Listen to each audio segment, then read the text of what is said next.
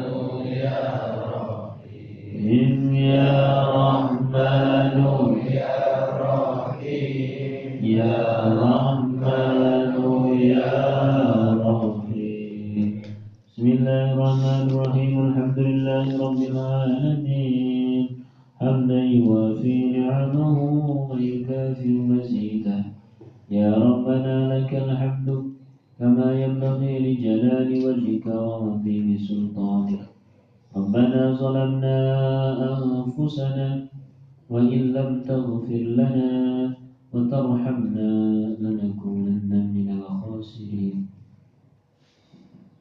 اللهم اجعلنا يا الله jadikan kami semua ya Allah min ibadika tawabin jadi hamba-hamba engkau yang kau ampuni seluruh dosa dosa dosa dosa dosa dosa dosa kami ya Allah.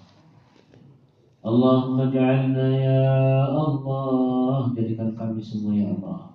Min ibadika salihin jadi hamba-hamba engkau yang salihah Allahumma ja'alna ya Allah. Jadikan kami semua ya Allah wa ahlana dan semua anggota keluarga kami ya Allah. Min ibadikal muttaqin menjadi hamba-hamba engkau yang bertakwa ya Allah. Silakan berdoa untuk diri sendiri atau anggota keluarga terutama yang masih berkelimang maksiat yang masih belum sholat yang masih belum mau ngaji yang masih jauh, jauh dari hidayah Allah. Didoakan di majelis ilmu insya Allah mustajab sebutkan namanya hadirkan wajahnya doakan di hadapan Allah. Allah ya Allah ya Allah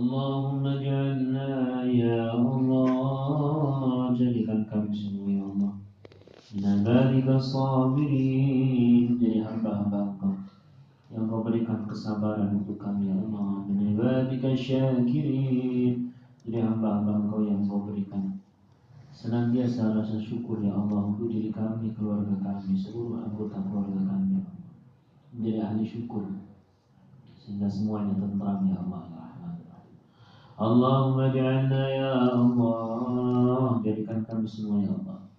Min ibadikal marzuqin Jadi hamba-hamba engkau. Yang kau titipi rezeki rizqan halalan rezeki yang halal. Rizqan mubarakan rezeki yang kau berkahi. Rizqan wasian rezeki yang berlimpah di ajil ibadah untuk bekal ibadah kami. Bekal ibadah orang tua kami bekal ibadah keluarga kami keturunan kami, pasangan kami, bekal ibadah semua dari diri kami ya Allah. Ibadah di tanah air ini dan ibadah di tanah suci ya Allah. Allahumma salli ala sayyidina Muhammadin salli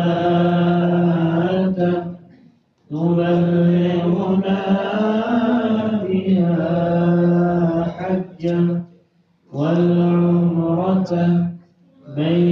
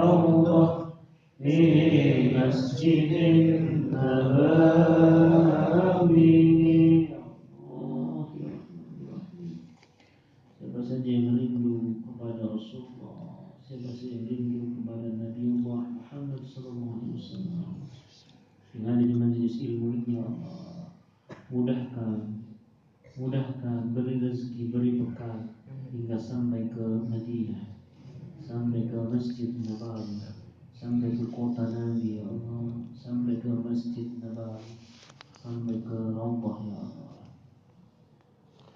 Rahman Rahim Wassalamualaikum warahmatullahi wabarakatuh. Wa ala alihi wa sahbihi wa sallam Subhana rabbika rabbil izzati amma yasifun Wassalamun ala al-mursalin walhamdulillahi rabbil alamin. Al-Fatihah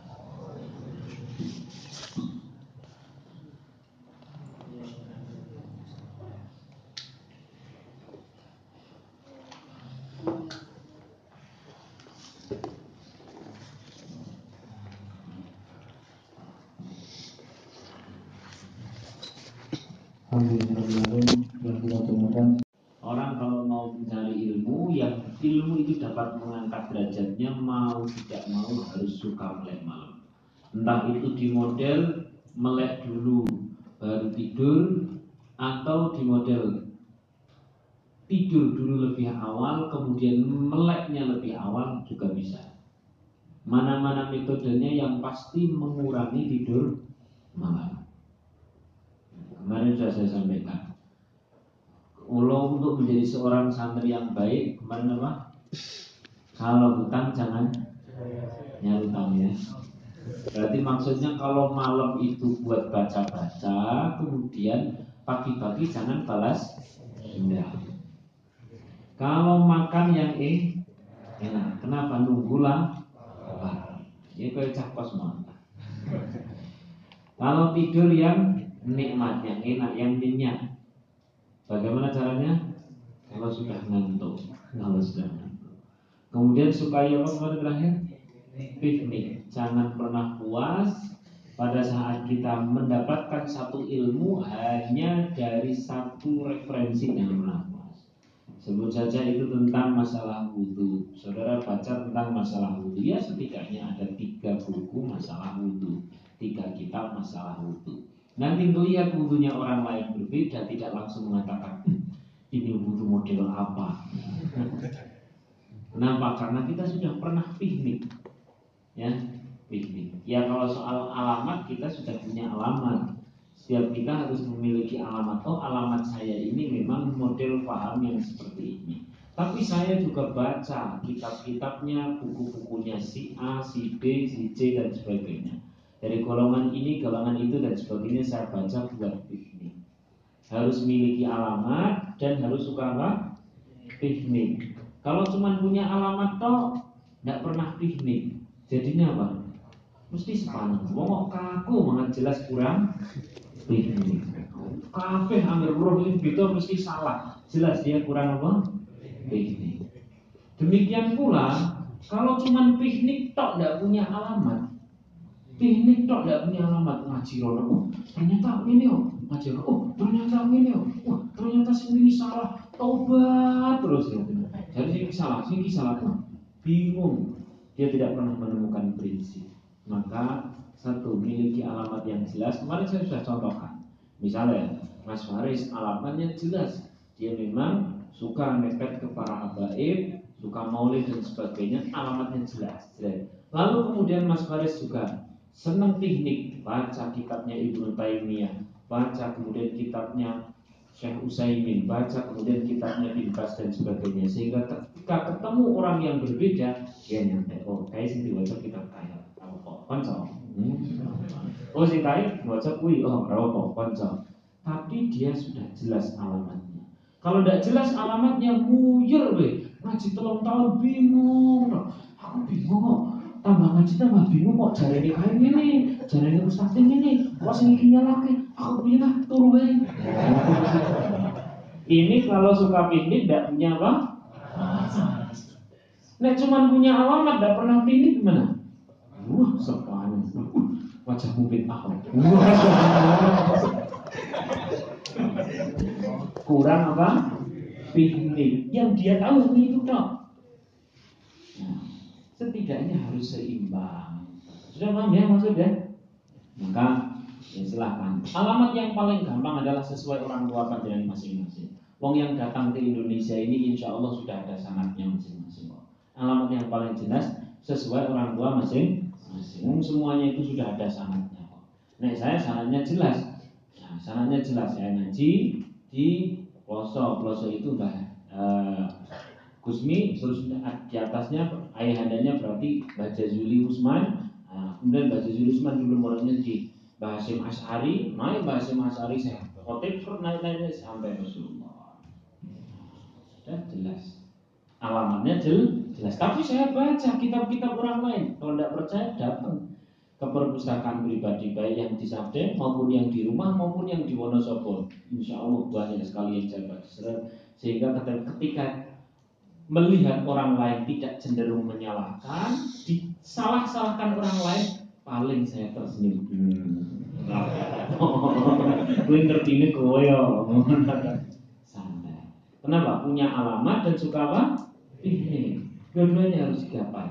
Kalau cuma piknik toh, bing, bingung. Kalau cuma punya alamat toh apa? Sepaneng dan kaku.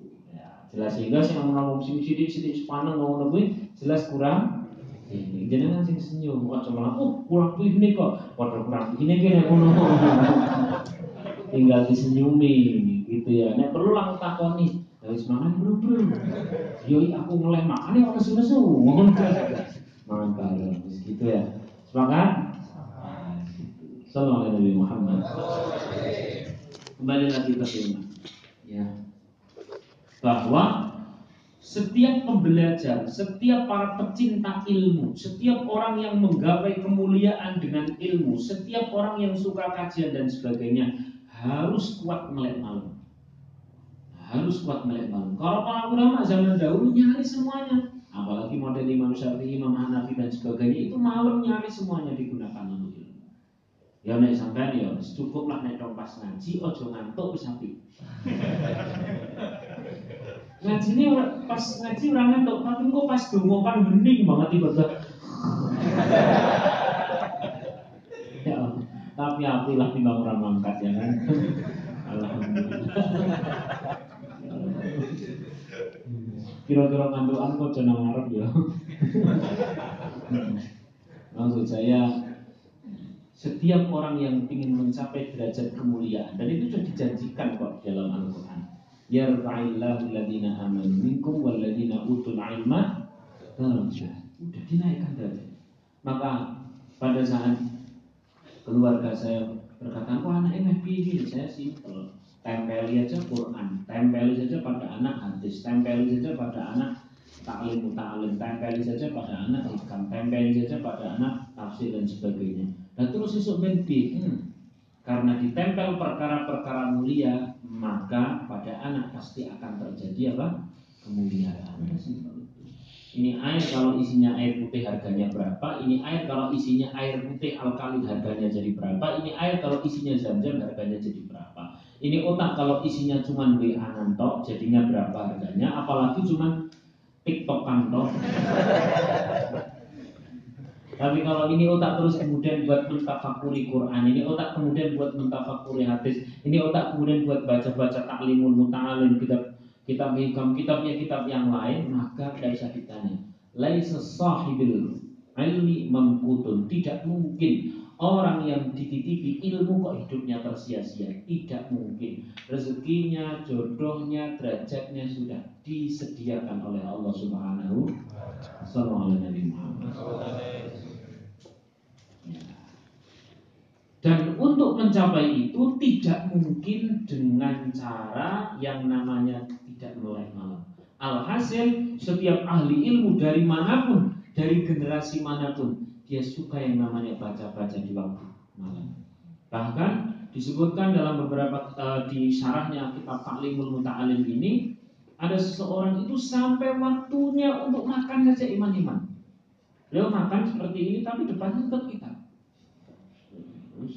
Yo nikmat orang ngerti, nikmatnya nama ilmu. Jadi nanti bisa dengan praktekkan kan kambing terus seperti Dan itu cara cara simpel untuk para teman-teman yang di kos kan menunya macam-macam. Ada menu geprek, menu terus kemudian soto, terus kemudian apa tapi dalam satu kemasan. Ikan kroso nikmat depannya dikasih buku dan agak ditinggikan tapi jangan standar ya. Agak ditinggikan terus jenengan yang dinikmati ilmu.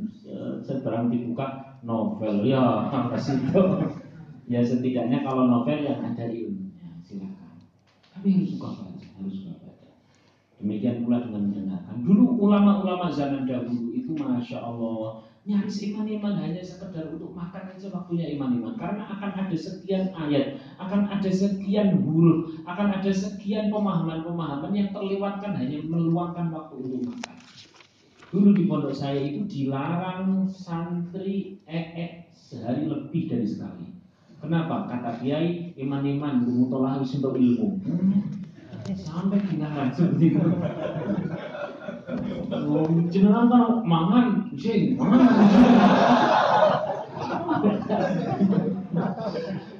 Asli dilarang, dilarang. Dan itu salah satu cara melarangnya Pak Kiai itu memang sengaja membuat uh, toilet itu tidak terlalu tertutup. Kenapa? Begitu sudah ada yang ngantri, wes sudah pena-pena Dan memang dibikin ngantri seperti itu biar apa? Biar cepat, biar tidak terlalu lama. Ayo Kang, cepet. ini udah kalau cakos, cakos mah. Ini waktu ngalamun, ini waktu ngalamun. Begitu masuk kamar mandi, wow, wis tekan bucu, wis tekan duwe anak, metu-metu iki nang kene. Alhasil Mas, yang namanya waktu itu gunakan mumpung masih muda nyari. Saya saja masya Allah nyeselnya luar biasa. Kok biar ora tenanan tuh? Kok biar pas masih muda sebelum nikah itu saya tidak sungguh-sungguh tuh. Sekarang ini saya kalau tolak malam dengar anak nangis sudah berhenti. Wah ya udah tidak ada yang bisa disesali. Namun kemudian saya mencita-citakan oh berarti sesuk ben anakku kudu sing luwih tenanan kadang kita ini kalah dengan ngantuk wis wudhu sudah kopi di depan mata meja wis nang ngarepe blongso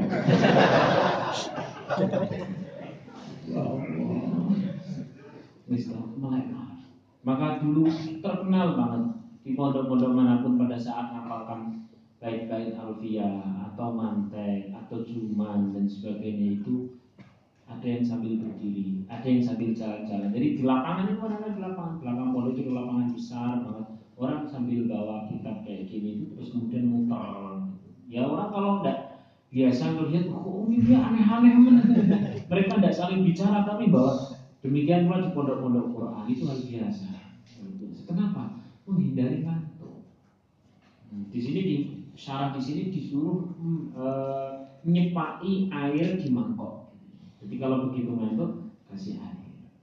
Orang malahnya wis ke malah ah, aku mau aku mari hilang untuk ini. Iya, masya Allah. Oleh karena itu ada perjuangan untuk melek. Yang minimal kayak panjenengan kan dia separuh santri malah mungkin seperempat santri kan minimal pas ngaji ojo nanti Ya Mister Bean tidak apa-apa lah ketika mau ngantuk gitu dicupit sendiri. Ojo ngantuk, bilang pada diri sendiri. Itu penting sekali karena nanti kemuliaan derajat seseorang akan tergantung pada meleknya malam digunakan untuk masalah apa? Ilmu. Konteks awalnya ilmu, tapi kemudian di dalam syarahnya disebutkan pula untuk yang lain ternyata. Saya ulang, man sya'a ayyahtawiya amalahu jumalan Siapa orang yang menginginkan amalun, amal pakai hamzah itu artinya adalah cita-cita. Kalau amal pakai ain artinya perbuatan amal. Tapi kalau pakai hamzah, amal itu namanya cita-cita. Siapa orang yang menginginkan cita-citanya tercapai, maka dia harus kemudian doyan melek malam. Nah, ini mulai konteks yang lain yang lain juga. Yang terakhir itu mas, sopo-sopo ya ini penting banget. Andaikan malam itu tidak digunakan untuk tahajud sekalipun. Tidak digunakan untuk doa sekalipun. Maka saya malamnya saja sudah punya power. Malam toh sudah punya power. Terbukti apa mas? Dukun ini ya. Itu operasinya waktunya apa? Menggunakan malam. Andaikan tidak membaca doa tidak membaca mantra sekalipun waktu malam itu sudah hebat ini yang yang golongan kiri dulu ya misalkan. Golongan kiri golongan kiri itu ya menggunakan waktu malam. Karena malamnya itu sendiri sudah power. Bagaimana tidak power? Malam itu kan saatnya orang banyak yang tidur. Energinya rendah. Kalau saudara melek dan menyebut-nyebut nama seseorang maka dia bisa terus kemudian kepikiran malam mentok ini dari malam Kita belum bahas doa, kita belum bahas tahajud, kita belum bahas kemudian baca Quran. Maka kata-kata kita dan omongan yang berbobot, ucapan yang berbobot bila seseorang dia mau baca, lisannya digunakan untuk membaca Al-Quran di waktu malam. Lisannya berbobot. Bahkan belum sampai Quran, belum sampai doa dan sebagainya. Ini baru menggunakan waktu malamnya tok lo sudah hebat. Nek ra percaya bengi-bengi sampai melek namun kok nggon sing rada jembar gitu lah ya. Terus karo madhep langit sebut nama seseorang berulang-ulang. Sesuk isuk takoni. Ini bengi ini apa? Tapi ojo digo sing ini. Ya karuan sudah mulai kan mending buat sholat ya. Man, Jangan ke sambet surupan Mending buat sholat. Tapi saya sedang mengatakan bahwa murninya melek malam saja sudah power. Apalagi digunakan untuk sholat. Apalagi digunakan untuk baca Quran. Murninya melek malam saja sudah power. Setidaknya kita itu kalau melek jangan lalai itu udah bagus. Dan hal yang paling melalaikan orang di akhir zaman simple sosmed. Sekarang sudah bawa awalnya sih kajian yang dicari di Instagram. Lama-lama kok dari TikTok. Aplikasi hadis terus iklan lo wong joget. Sing dibuka sing dia. Itu yang paling melalaikan. oleh karena itu kalau memang melek malam mas malam saya saja punya HP dua yang satu buat nulis yang satu isinya komplit dan sebagainya sudah berulang kali. Saya ini saya yang jenengan mungkin nulis soleh iya saya. Saya mau nulis misalkan. Kalau sekarang kan nulis jarang pakai laptop lah ya pakai HP pakai HP nulis terus kemudian bicara itu kan gak ada yang ngetik. Itu saya minta tolong sama Mbak Google itu. Itu kan langsung ngetik loh itu kalau saya pakai HP yang di sana ada sosmednya nggak jadi. Lunting masuk buka asdiloa nah hati maka terus kemudian ini yang paling murni yang tidak ada sosmednya baru bisa maka hal ini menunjukkan apa simpel mas. Kalau memang mau kau gunakan untuk doa kalau memang mau kau gunakan untuk sebuah riyadhah jauhkan HP belum sampai bahas doa saja malam sudah power cahaya yang rembulan jadi yang kekuatan cahaya yang rino dan kekuatan cahaya yang malam. Nempel nanggon si cabang bayi yen turu tangi yen tangi meduno. Yen medun renio yen rene dadi siji karo aku. Aja direkam ya. Maksudnya begini, ini masih dalam koridor ilmiah. Kalau memang itu waktunya malam, simple energi manusia itu kan lagi rendah-rendahnya. Apalagi orangnya suka ngalamun yang dengan sebut-sebut namanya, wah, guling-guling. Maka yang cewek-cewek saya pesankan jangan ngalamun. Kalau memang tidur, tidurlah sebelumnya berdoa. Jangan gampang Ya, waktu malam. Itu powernya luar biasa. Secara logika yang paling simpel tadi itu manusia energinya lagi rendah-rendahnya. Sebut saja jam 2 orang kan energinya rendah semua. Tidur semua lu kok sampai melek dalam kondisi yang fokus dalam kondisi yang suci tanpa menggunakan cara-cara islami saja waktu malamnya sudah hebat. Cuman bisa sesat. Oleh karena itu kemudian akhirnya wudhu sekalian, kemudian akhirnya sholat sekalian, kemudian akhirnya baca istighfar, sholawat, baca Quran sekalian, biar terarah, biar sesuai hidayah. Jelas? Itu kalau kita globalkan hebatnya waktu malam. Bahkan saya simpel sekali kalau kedatangan jamaah yang mengeluhkan tentang perkara ini itu dan sebagainya saya jawabnya langsung, tidur jam berapa? Tidur jam 11 Bangun jam berapa? Ya kadang jam 5 dan sebagainya Ya wis tinggal kamu Tidur jam berapa? Nah jakos kan tidur jam berapa? Jam 1 Bangun jam berapa? Jam 7 Budi-budi Boleh mulai sampai jam 1 Tapi subuhnya jangan sampai telat Karena subuh itu wah kira-kira telat dan sebagainya ya berarti butuh alarm. Tapi wajah-wajah zamannya alarm mempadani tok. Saya dulu pernah sebentar banget dari sekian saya 17 tahun mondok itu cuma tiga bulan tiga bulan pernah jajan ngekos orang kerasan. Kenapa? Ya sulit bangun bangun subuh itu sulit banget. Sampai kala itu piye carane alarm bunyi tapi saya tidak matikan alarm. Carane piye kan oh gampang pakai selang. Terus alamnya dari roto atau ini orang kenapa tapi habis terus kemudian itu habis dipegang ya tidur lagi. Oleh karena itu mas inilah pentingnya lingkungan. Sing paling gampang sih adalah memiliki seorang teman.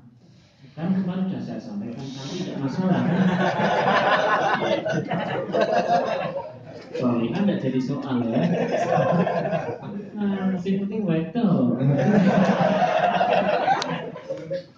Alhasil begini mas, kalau sudah punya sudah berkeluarga kayak gitu kan bisa koordinasi, bisa gantian juga. Kalau memang sebenarnya yang biasanya meleknya dibuat di awal, ya tidurnya buat di akhir, berarti dengan meleknya dulu set, terus kemudian dibangunkan, gantian dia yang melek dengan yang suami istri ya mesti ada jeda yang rasa mobil. Alhasil ya nek jenengan iki jomblo ya ya Allah. Bila sing rawah. Eh, kembali lagi ke tema. Awalnya memang konteksnya setiap orang yang menginginkan naiknya derajat karena jalur ilmu maka dia harus doyan malam, doyan melek malam. Betul, udah, udah fix itu. Tapi kemudian merembet, pembahasannya kemudian meluas. Ternyata tidak hanya derajat tinggi yang karena ilmu, tapi segala bentuk derajat, segala bentuk keinginan cita-cita memang melihatnya adalah di waktu malam. Ya, saya sudah membahasakan kalau ada orang bekerja besok mau menyelesaikan sesuatu, kemudian malamnya dia sudah sempat berdoa tentang sesuatu itu atau tentang yang lain, maka sebenarnya besok dia menyelesaikan perkara itu mungkin sudah 75% sudah ia selesaikan atau 50% sudah ia selesaikan atau bahkan yang 90% eh, sudah selesaikan. Begitu besok ketemu orangnya, aduh nggak usah diantar, saya aja yang antar, wong saya lagi lewat situ. Berarti akan ada hal-hal yang semestinya siang itu dilakukan secara berat karena malam sudah kita selesaikan dengan doa. Jadi. Maka benar bahwa yang namanya waktu malam itu sudah power. Ada orang tua kepingin punya putra putri yang soli solihah, tidak doyan melek malam, bullshit. Bullshit. Secara ilmu ikhtiar ya, tapi kalau Allah mau ya bisa saja kenyataannya ada orang dari lain agama terus kemudian anaknya soleh oh kalau itu pengecualian tapi secara umum secara umum siapa ingin memiliki keturunan yang baik semuanya itu pasti melek. Ya. karena itu silakan. Treatmentnya masing-masing. Kenali diri masing-masing. Ada yang sholat isaknya nanti sekalian agak malam. Ada yang sholat isaknya awal nanti bangun lagi silakan. Silahkan nanti. Setiap orang-orang beda-beda. Ada yang kalau pakai alarm itu tidak bisa bangun harus dibangunkan. Ya udah dibangunkan ada yang kemudian dia cukup alarm satu sudah bisa bangun. Ada yang alarm lima bunyi semua tidak bangun-bangun ya sampai koncornya sih ngasih orang undangan wah kue alarm seru nih orang enggak bangun. Ada yang itu. Maka kenali masing-masing ya. Kenali masing-masing. Ada yang suka alarmnya keras. Maksud saya ini ini jadi perlu sekali. Man awafa nafsahu awafa rabbahu. Siapa orang dia berhasil mengenali dirinya sendiri. Oh aku ini ternyata nek tak gawe melek malam, nek saya sholat isaknya malam itu awalnya enak, tapi selanjutnya kok sering bablas. Jadi ada jamak isak sama subuh. Kok tahu seperti itu besok jangan diulang. Berarti mengenali diri sendiri. Wa fi anfusikum afala tubsirun. Ini bahasa Quran. Dan di dalam dirimu apakah kau tidak mau melihat tentang dirimu? Karena ketika diri kita bisa melihat diri kita, aku ki bisa menjadi produktif seperti apa, pakai cara gimana, butuh perangkat apa saja, jamnya berapa, kita ini masing-masing. Kok saudara berhasil mengenali sendiri diri sendiri seperti itu, lebih mudah nanti mengenali Tuhan kita Allah Subhanahu Tapi pada prinsipnya satu mengurangi tidur. Mendengar. Ya.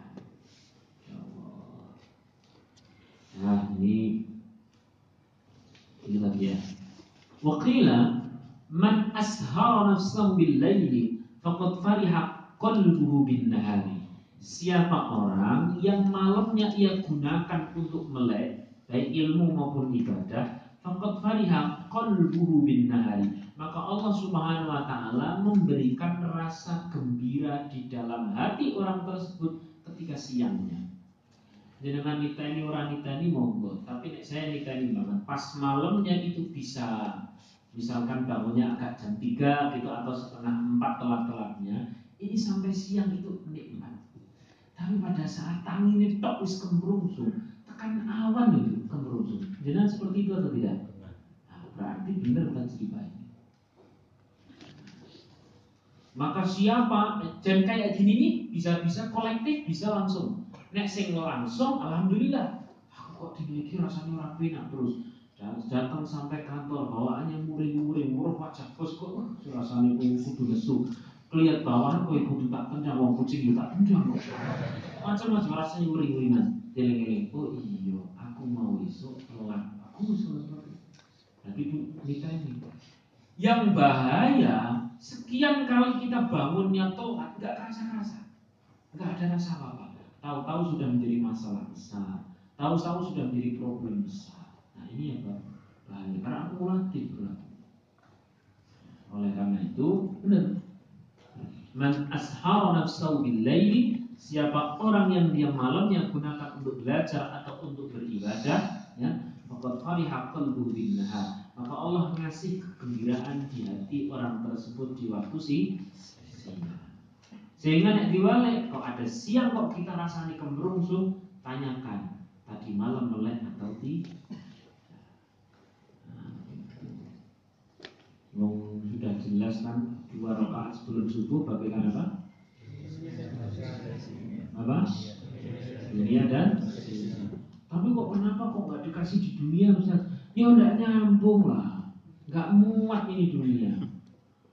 Jangankan dunia seisinya misalkan satu komplek, nggak usah dunia seisinya, bagaikan Alphard 5 gitu aja tapi dikasih di dunia satu komplek malam semua sholat dan sebagainya itu tidak tidak keluar tuh parkir nanti paham? Maksud saya begini bahwa segala yang dijanjikan oleh Allah dengan bahasa lebih baik dari dunia seisinya, lebih baik dari ini itu dan sebagainya itu diberikannya di. Kalau kemudian diberikan kebahagiaan di dunia itu sifatnya cuma DP, tapi sedp DP-nya, sedp DP-nya, sedp DP-nya ya, Bismillah pokoknya. Sedp-DP-nya perkara akhirat yang didahulukan di dunia kan harusnya kecil loh DP meski besar. Kenapa? Karena perbandingannya itu besar. Dunia itu paling pol katakan 60, 70, 80 tahun Akhirat itu triliunnya, triliunnya, triliunnya miliar Miliar triliun, triliun, triliun, triliun, triliun, triliun tahun. Itu kalau tidak? Ada sebanding. Oleh karena itu kalau ada DP perkara akhirat yang didahulukan di dunia Itu pasti sudah istimewa. Walaupun di Jelas ya Nah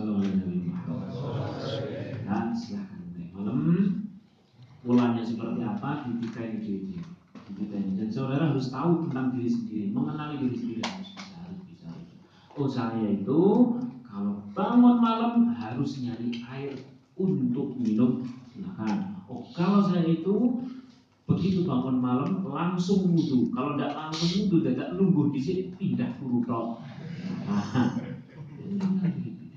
Oh saya itu kalau begitu bangun malam harus nyekel HP. Kenapa kalau nyekel HP orang sudah sholat, sidone nyekel HP lah, jangan diulang. Itu kan yang paham ya? Ya kita beda-beda ya. Al-Fatihah.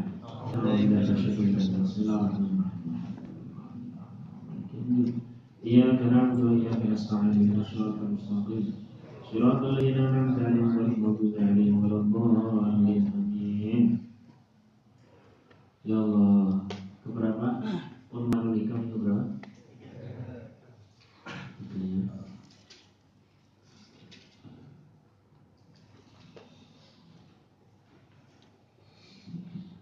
Bismillahirrahmanirrahim. Ya amiran li khirabil dari mujtahida billahi hal li khirabil umri umran. Wahai orang yang bersungguh-sungguh hanya membangun keduniaan yang pasti hancur billahi halil khirabi imran billahi halil khirabil umri umran demi Allah apakah orang yang hanya menghabiskan umur yang pasti habis itu disebut membangun maksudnya begini mas. Kalau seluruh aktivitas kita, kalau seluruh cita-cita kita, kalau seluruh pencapaian-pencapaian hasil-hasil itu orientasinya cuma dunia toh apakah itu disebut membangun? Jawabannya tidak. Itu bukan membangun kenapa tadi sudah saya sampaikan perbandingan dunia dan akhirat itu sangat tidak sebanding. Maka kalau ada orang mengatakan ya seimbanglah dunia dan akhirat, tidak pernah akan bisa seimbang. Yang satu cuma 60, 80, 70 tahun, yang satunya itu miliar tahun, triliun, triliun, triliun, triliun, miliar, miliar, triliun tahun. Tidak seimbang. Maka setiap kita melakukan sesuatu harusnya ada nilai ukhrawinya.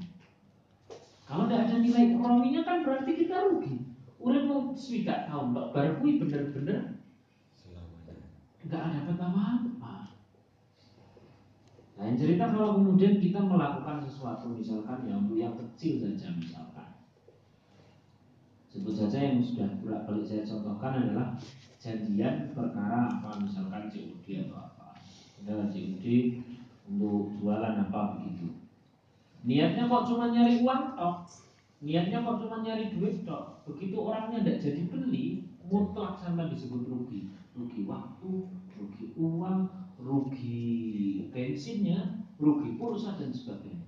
Tapi kalau dari awal dengan sudah katakan oh ini saya mau COD ada orang mau beli daganganku Insya Allah, ya Allah, ini saya niatkan semuanya untuk ibadah. Perjalanan saya ibadah sampai sana saya ibadah. Uangnya pun saya buat bekal untuk nafkah anak istri ya, untuk ibadah. Begitu sampai sana, uangnya ora sido. Terhitung ibadah dan Terhitung tidak ada rugi. Kenapa? Masih ingat ya, kalau orang makan apa? Nangka sama apa?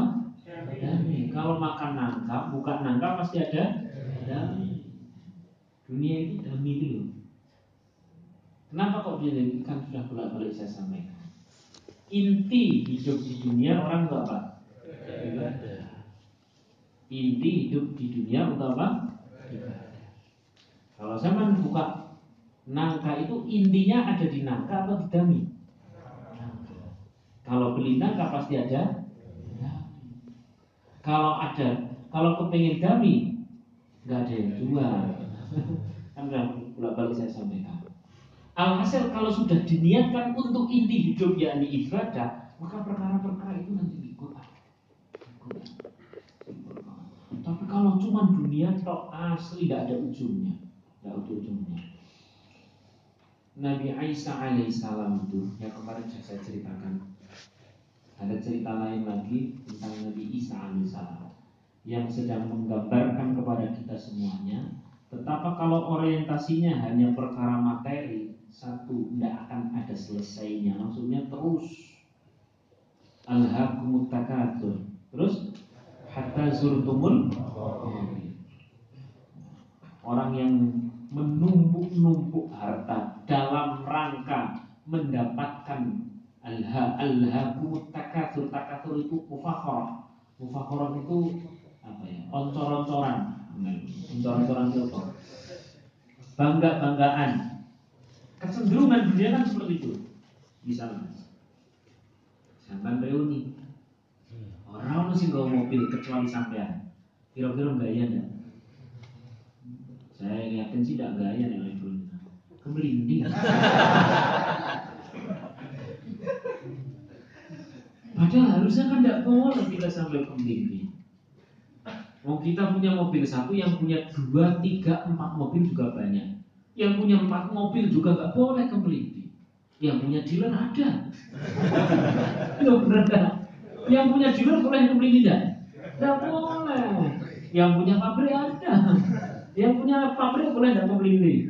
Tidak boleh. Yang punya bumi langit seisinya. Jelas? Dan kecenderungan ketika kita memiliki sesuatu ada rasa seperti ya utuh mbak-mbak yang ada di sini sih sudah ngaji. Nek belum ngaji itu terus kemudian ketemu karo ini gelangnya hanya ini.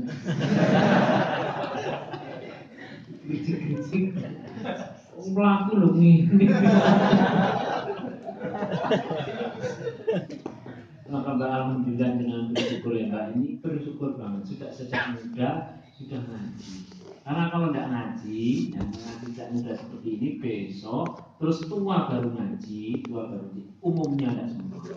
tua baru ngaji dan ngajinya ngajinya sosialita wah masya allah saya pernah ngisi di sebuah tempat ya allah ini ngaji apa pemain bondro tadi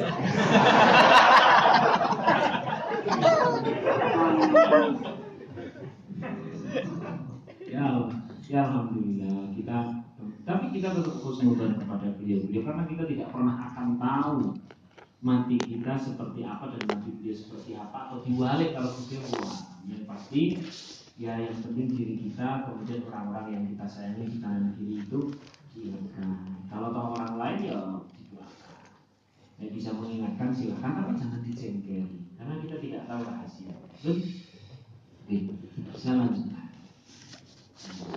Dan itu sudah merupakan merupakan fitrah dunia. Akan selalu enjoy senang untuk gaya.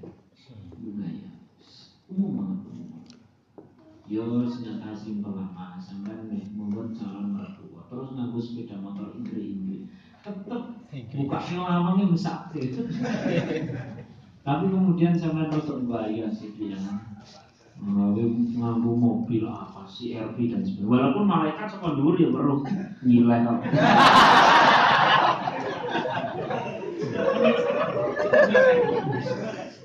tapi itu itu kemudian berbeda kan?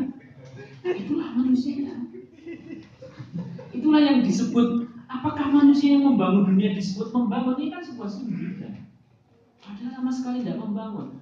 Banyak sekali yang menipu orang lain dengan apa apa yang ada. Bahkan bukan milik diri sendiri. Jadi milik sendiri ini. Mas siapa misalnya? Tak silai. Ayo sing contoh HP Mas Faris kita contoh lagi Mas Faris bisa tapi semoga api ini tak silai misalkan dipinjemi apa begitu lah. Dipinjemi uh, HP sing paling larang tidak terus ya HP 10 juta. Terus kemudian ngumpul kalau teman-teman HP ini 10 juta. Rasanya sama atau beda? Wong ora weruh iki edok-edok HP ku kena ngopo yo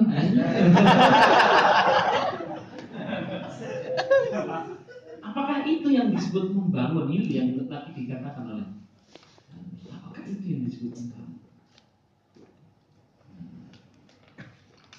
Ya Allah ya Rahman. Nah, saya kisahkan tentang Nabi Isa alaihissalam. Dalam memberikan sebuah gambaran betapa orang kalau orientasinya duniawi toh tidak ada puasnya dan intinya akan mufakhor tadi itu. Hanya untuk agung-agungan gede-gedean banyak-banyakan gaya-gaya maka pesan yang terakhir nanti pesan-pesan yang akan saya pesankan adalah jangan pernah ada harta kecuali di sana ada nilai ukhrawinya nanti saya terangkan agak di akhir ini saya gambarkan tentang fitrah dunia dan fitrah manusia yang akan selalu umumnya mufakhor. Mufakhor itu gaya-gaya tadi itu lah. Sampai mau reuni, lione orang nganggu mobil sama tok sing nganggu mobil. Walaupun itu mobil nyileh tok luwis gaya. Apa mana mobil dhewe. Luwih-luwih mobilnya paling api. Mesti mulai dong ditakoni sampai usaha apa? Uh, aku tuh cerih payahku tak terbayangkan. Wong duwe apa anyar orang nggo gawe update status tok lho wis apik zaman saiki lho ya. Masa ketok enak nek ora update status itu dadi ora enak. Itulah yang dalam diri Maka nanti kita akan pesankan sesuai yang ada dalam kitab Unwanul ini bagaimana ngasih ruh ukhrawi dalam perkara-perkara duniawi yang ada. Nanti di akhir seperti itu saya gambarkan dulu betapa ada fitrah gaya di dalam diri. Ada fitrah ya tadi the kemelinting dan tidak pernah akan puas dan tidak pernah akan puas. Sampai Rasulullah mengatakan kalau ada sebuah gunung menjadi emas satu misalnya orang itu akan meminta dua demikian pula seterusnya. Nah, Nabi Isa alaihissalam itu ada seorang fulan yang mendaftar untuk menjadi muridnya Nabi Isa. Ya Nabi Allah, izinkan saya untuk menjadi murid engkau membersamai engkau ke mana dulu silahkan. Kemudian bersama Nabi Isa berjalan Nabi Isa memiliki tiga potong roti. Ini kisah sebuah ilustrasi yang sangat luar biasa betapa namanya dunia itu bila dikejar justru akan ngerjani. Kita kerja hanya untuk dunia maka dunia apa? Akan ngerjani. Lumayan buat akhir status. Kalau kita kerja hanya demi dunia maka dunia akan ngerjani. Tiga potong roti itu kemudian dikeluarkan oleh Nabi Isa. Ya. Setelah itu Nabi Isa ke sungai untuk minum, kok tinggal satu itu dimakan. Yang satunya mana? Kan harusnya berapa? Tiga. Orangnya cuma yang satunya mana? Yang siapa yang makan? Wah, saya tidak tahu yang dari Nabi Allah. Saya tidak tahu kata si Oh ya sudah tidak tahu apa-apa. Pada saat berjalan, beliau mendapati kicang ya, kicang itu. Terus kemudian dimasak, dimakan, habis dimakan. Ya Nabi Isa itu memiliki mukjizat apa? Bisa menghidupkan yang sudah sudah jelas sudah jadi pulang-pulang itu terus kemudian dengan izin Allah Nabi bisa berdoa itu harusnya kan kudunya kagum dong ini tanda-tanda kekuasaan Gusti bahwa Nabi Isa itu bukan orang biasa terus kemudian tanya lagi Wahai bulan, siapa yang tadi makan roti yang satunya itu? aku nggak tahu. Kudunya kan jawabnya jelas kan, bahwa dirinya yang makan kan gitu. Berarti Nabi Isa makan satu, orang tadi makan tapi tidak jalan dan bisa berjalan di atas air. Oh, subhanallah, kaget dia Nabi Allah, luar biasa. Ya, ini luar biasa semuanya adalah atas izin Oh, Saya tanya, siapa yang tadi makan roti yang satunya? Oh, saya tidak tahu. Ini kan maknanya bahwa diri kita itu kalau sudah kadung masalah dunia gampang berbohong. Dan walaupun sudah ditunjukkan tanda-tanda agar kita jujur itu sulit sekali kalau sudah urusan dunia. Nah, terus kemudian berikutnya Nabi Isa itu membawa tiga kumpal eh, tanah yang dikempal-kumpal seperti itu tiga. Beliau berkata, yang satu untukku, yang satu untukmu, yang satu untuk yang makan roti. Siapa yang makan roti? Oh, kalau itu aku. Paham ya? Berarti nek keidonya baru nggak? Nek tadi orang belum aku. Saya siapa yang makan roti? Begitu. Nih tiga tiga kumpal apa tadi? Tanah yang dijadikan emas oleh Nabi Isa. Dijadikan apa? Emas. Berdoa kepada Allah jadi apa? Begitu sudah jadi emas, yang satu buat aku ini mas satu mas satu buat kamu. Yang satu mas. satu ini buat yang makan apa? Roti. Siapa sih makan roti? Oh itu aku. Baru aku setelah itu terus kemudian tinggal pergi berarti tidak layak menjadi murid. Tapi ternyata kisahnya belum selesai. Ini sebuah petunjuk bahwa dunia itu akan membuat kita berbohong ya kan?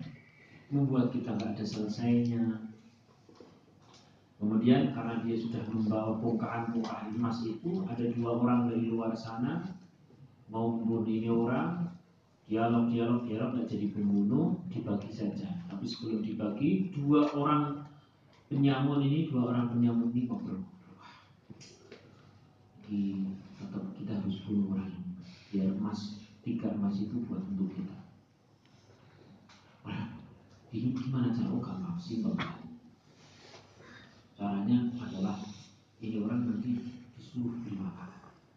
Disuruh beli apa? Kalau disuruh beli makanan. Disuruh beli makanan mikir hmm, aku nek tuku panganan tak racun. Sing nanti lagi posisi dua orang wah ini nanti kalau datang ke sana dari orang di orang si bulan datang ke sini wah jelas ini nanti dibagi ini koncoku kita pateni bisa hmm. berarti tinggal berapa orang dua orang. Begitu sampai sampai dia bawa makanan, makanan diapakan? Diracun. Tapi sebelum diracun dibunuh dulu dari belakang. Terus kemudian makan isinya apa? Mati semua. Utuh itu emas. Dan kisahnya akan cepat. Kenapa? Sebenarnya ini kisahnya panjang, tapi saya percepat. Intinya nggak akan ada selesainya. Oleh karena itu mas Sekarang kita mau mulai bicara solusi. Bertambahnya harta harus bertambahnya takwa itu karena ulangi. Sekali lagi. Dulu HP panjenengan polifonik.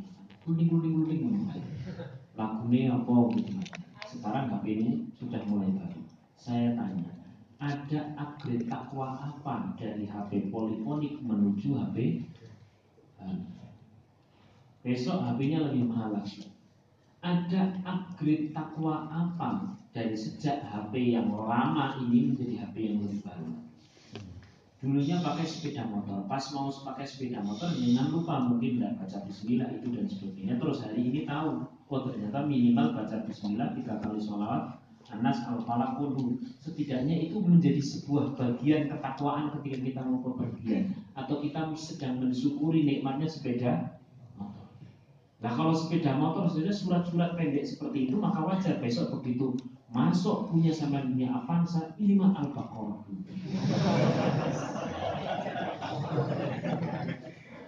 Maksud saya begini mas Biar jangan sampai pencapaian demi pencapaian itu kosong dari perkara ukhrawi. Kalau kosong dari perkara ukhrawi, masya Allah, apakah itu yang disebut membangun? 60 tahun kita lalui, yang namanya hidup itu masya Allah cepatnya luar biasa. Hari ini yang sama sudah umur-umur kuliah, nek ngiling-ngiling masih zaman SMA masih ingat Kayak baru ke mana?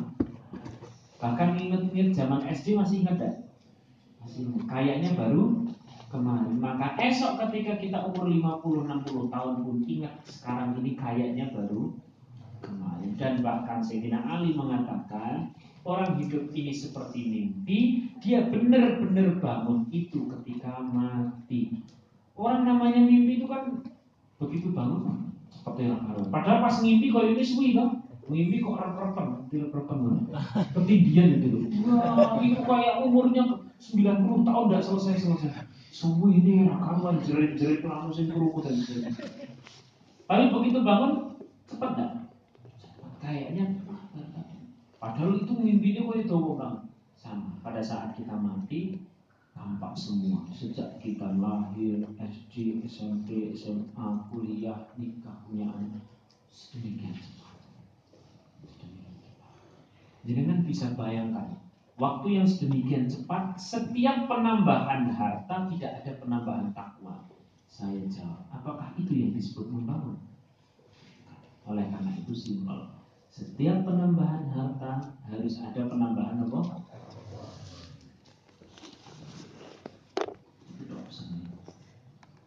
Sesederhana, sederhana. Teman punya sarung berapa, ya harus ada tambah minimal pada saat mendapatkan kita bilang alhamdulillah. Pesan nomor dua, setiap menginginkan harta, tanyakan, tanyakan, tanyakan, tanyakan, tanyakan dorongan ukhrawinya. Setiap, eh, bukan, bukan, bukan hanya harta saja ya. Setiap mau melakukan sesuatu sebenarnya, atau terkait, terutama minimal terkait harta melakukan sesuatu yang terkait harta atau terkait apa saja, tanyakan sisi Allah Biar kita tidak tergadak. Kan judulnya apa? Hati-hati terkadang kita kan mikir mas. Ini ada pas kumpul gitu. Kan ada pas cerita sebenarnya bibi aku sebenarnya usaha. Gue bujuku tak kontongan ini anakku sih anak pertama tak pun kuliah nang gini padahal buju urung sekarang mikir apa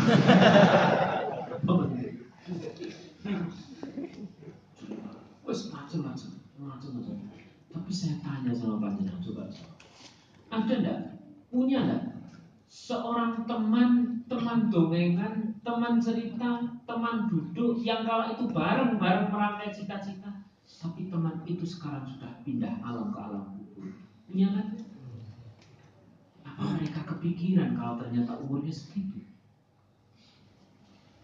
Bayangkan kalau setiap harinya itu hanya untuk. Tapi kalau sudah meninggal sih kita doakan semoga untuk ukhrawi amin Allahumma.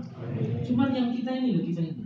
Kita ini kan ya juga kepingin dong besoknya begini, begini, begini dan sebagainya. Jangan bisa bayangkan. Kalau setiap dorongan melakukan sesuatu tidak ada ukrawinya. Kalau setiap memiliki pencapaian, memiliki sesuatu, apakah itu harta yang bernuansa apa saja, uang lah, mobil, kendaraan atau rumah dan sebagainya, bisa melakukan ini dulu dan sebagainya. Kalau tidak ada nilai ukrawinya, kalau tidak ada nilai ukrawinya, mati bisa sewaktu-waktu. Berarti kita sedang tidak melakukan apa-apa sudah aktivitas itu saja. Tapi kalau ada aktivitas ukrawinya mas, betul kalau ada aktivitas ukrawinya mas, masya Allah. Jangan tahu hal jazaul ihsan ilal lihat dalam tafsirnya surah Ar-Rahman di kitab tafsir Munir ada dalam kitab tafsir Ibnu Katsir ada kata ihsan yang pertama itu adalah kebaikan yang dilakukan oleh seorang hamba. Kata ihsan yang kedua adalah balasan yang diberikan oleh Allah. Dan sama sekali tidak seimbang. Sama sekali tidak seimbang. Maksudnya apa? Yang dilakukan oleh seorang hamba apa begitulah ya pada saat ketika sudah di ya Allah, ternyata biar kayak aku tahu ngasih utangan buka konco sing nikahan. Jadi ini kok istana segini gede ini oh, Masya Allah. Bidadarinya saja 70 ribu maka kebaikan Allah itu luar biasa. Kan bayangkan kalau pada saat di dunia itu kegiatan-kegiatan kita itu hanya urusan dunia saja. Corong nulung ya nulung karena karena urusan sosial saja tidak ada niat ibadahnya tidak ada nanti kemudian istana itu. Paham tidak? Saya mulai paham ya? Kalau aktivitas-aktivitas kita di dunia ini hanya di dunia saja, hanya perkara-perkara dunia ya ini kono orang mau apa nih, Namanya kita sedang tidak membangun apa-apa. Oleh karena itu, ya Allah ya Rahman ya Rahim, setiap kita mengingini sesuatu, tanyakan dorongan akhirat. Setiap kita memiliki naik kepunyaan harta berarti naikkan pula apa? Dengan seperti itu insya Allah kita tidak tergapa. Semakin kaya berarti semakin Sallallahu Nabi. Saya doakan dengan semuanya menjadi orang sukses dunia, sukses akhirat. Setiap penambahan harta menjadi penambahan takwa. Setiap penambahan-penambahan harta menjadi penambahan takwa. Tambah kaya, tambah takwa. Al-Fatihah. Alhamdulillahirabbil alamin arrahmanirrahim.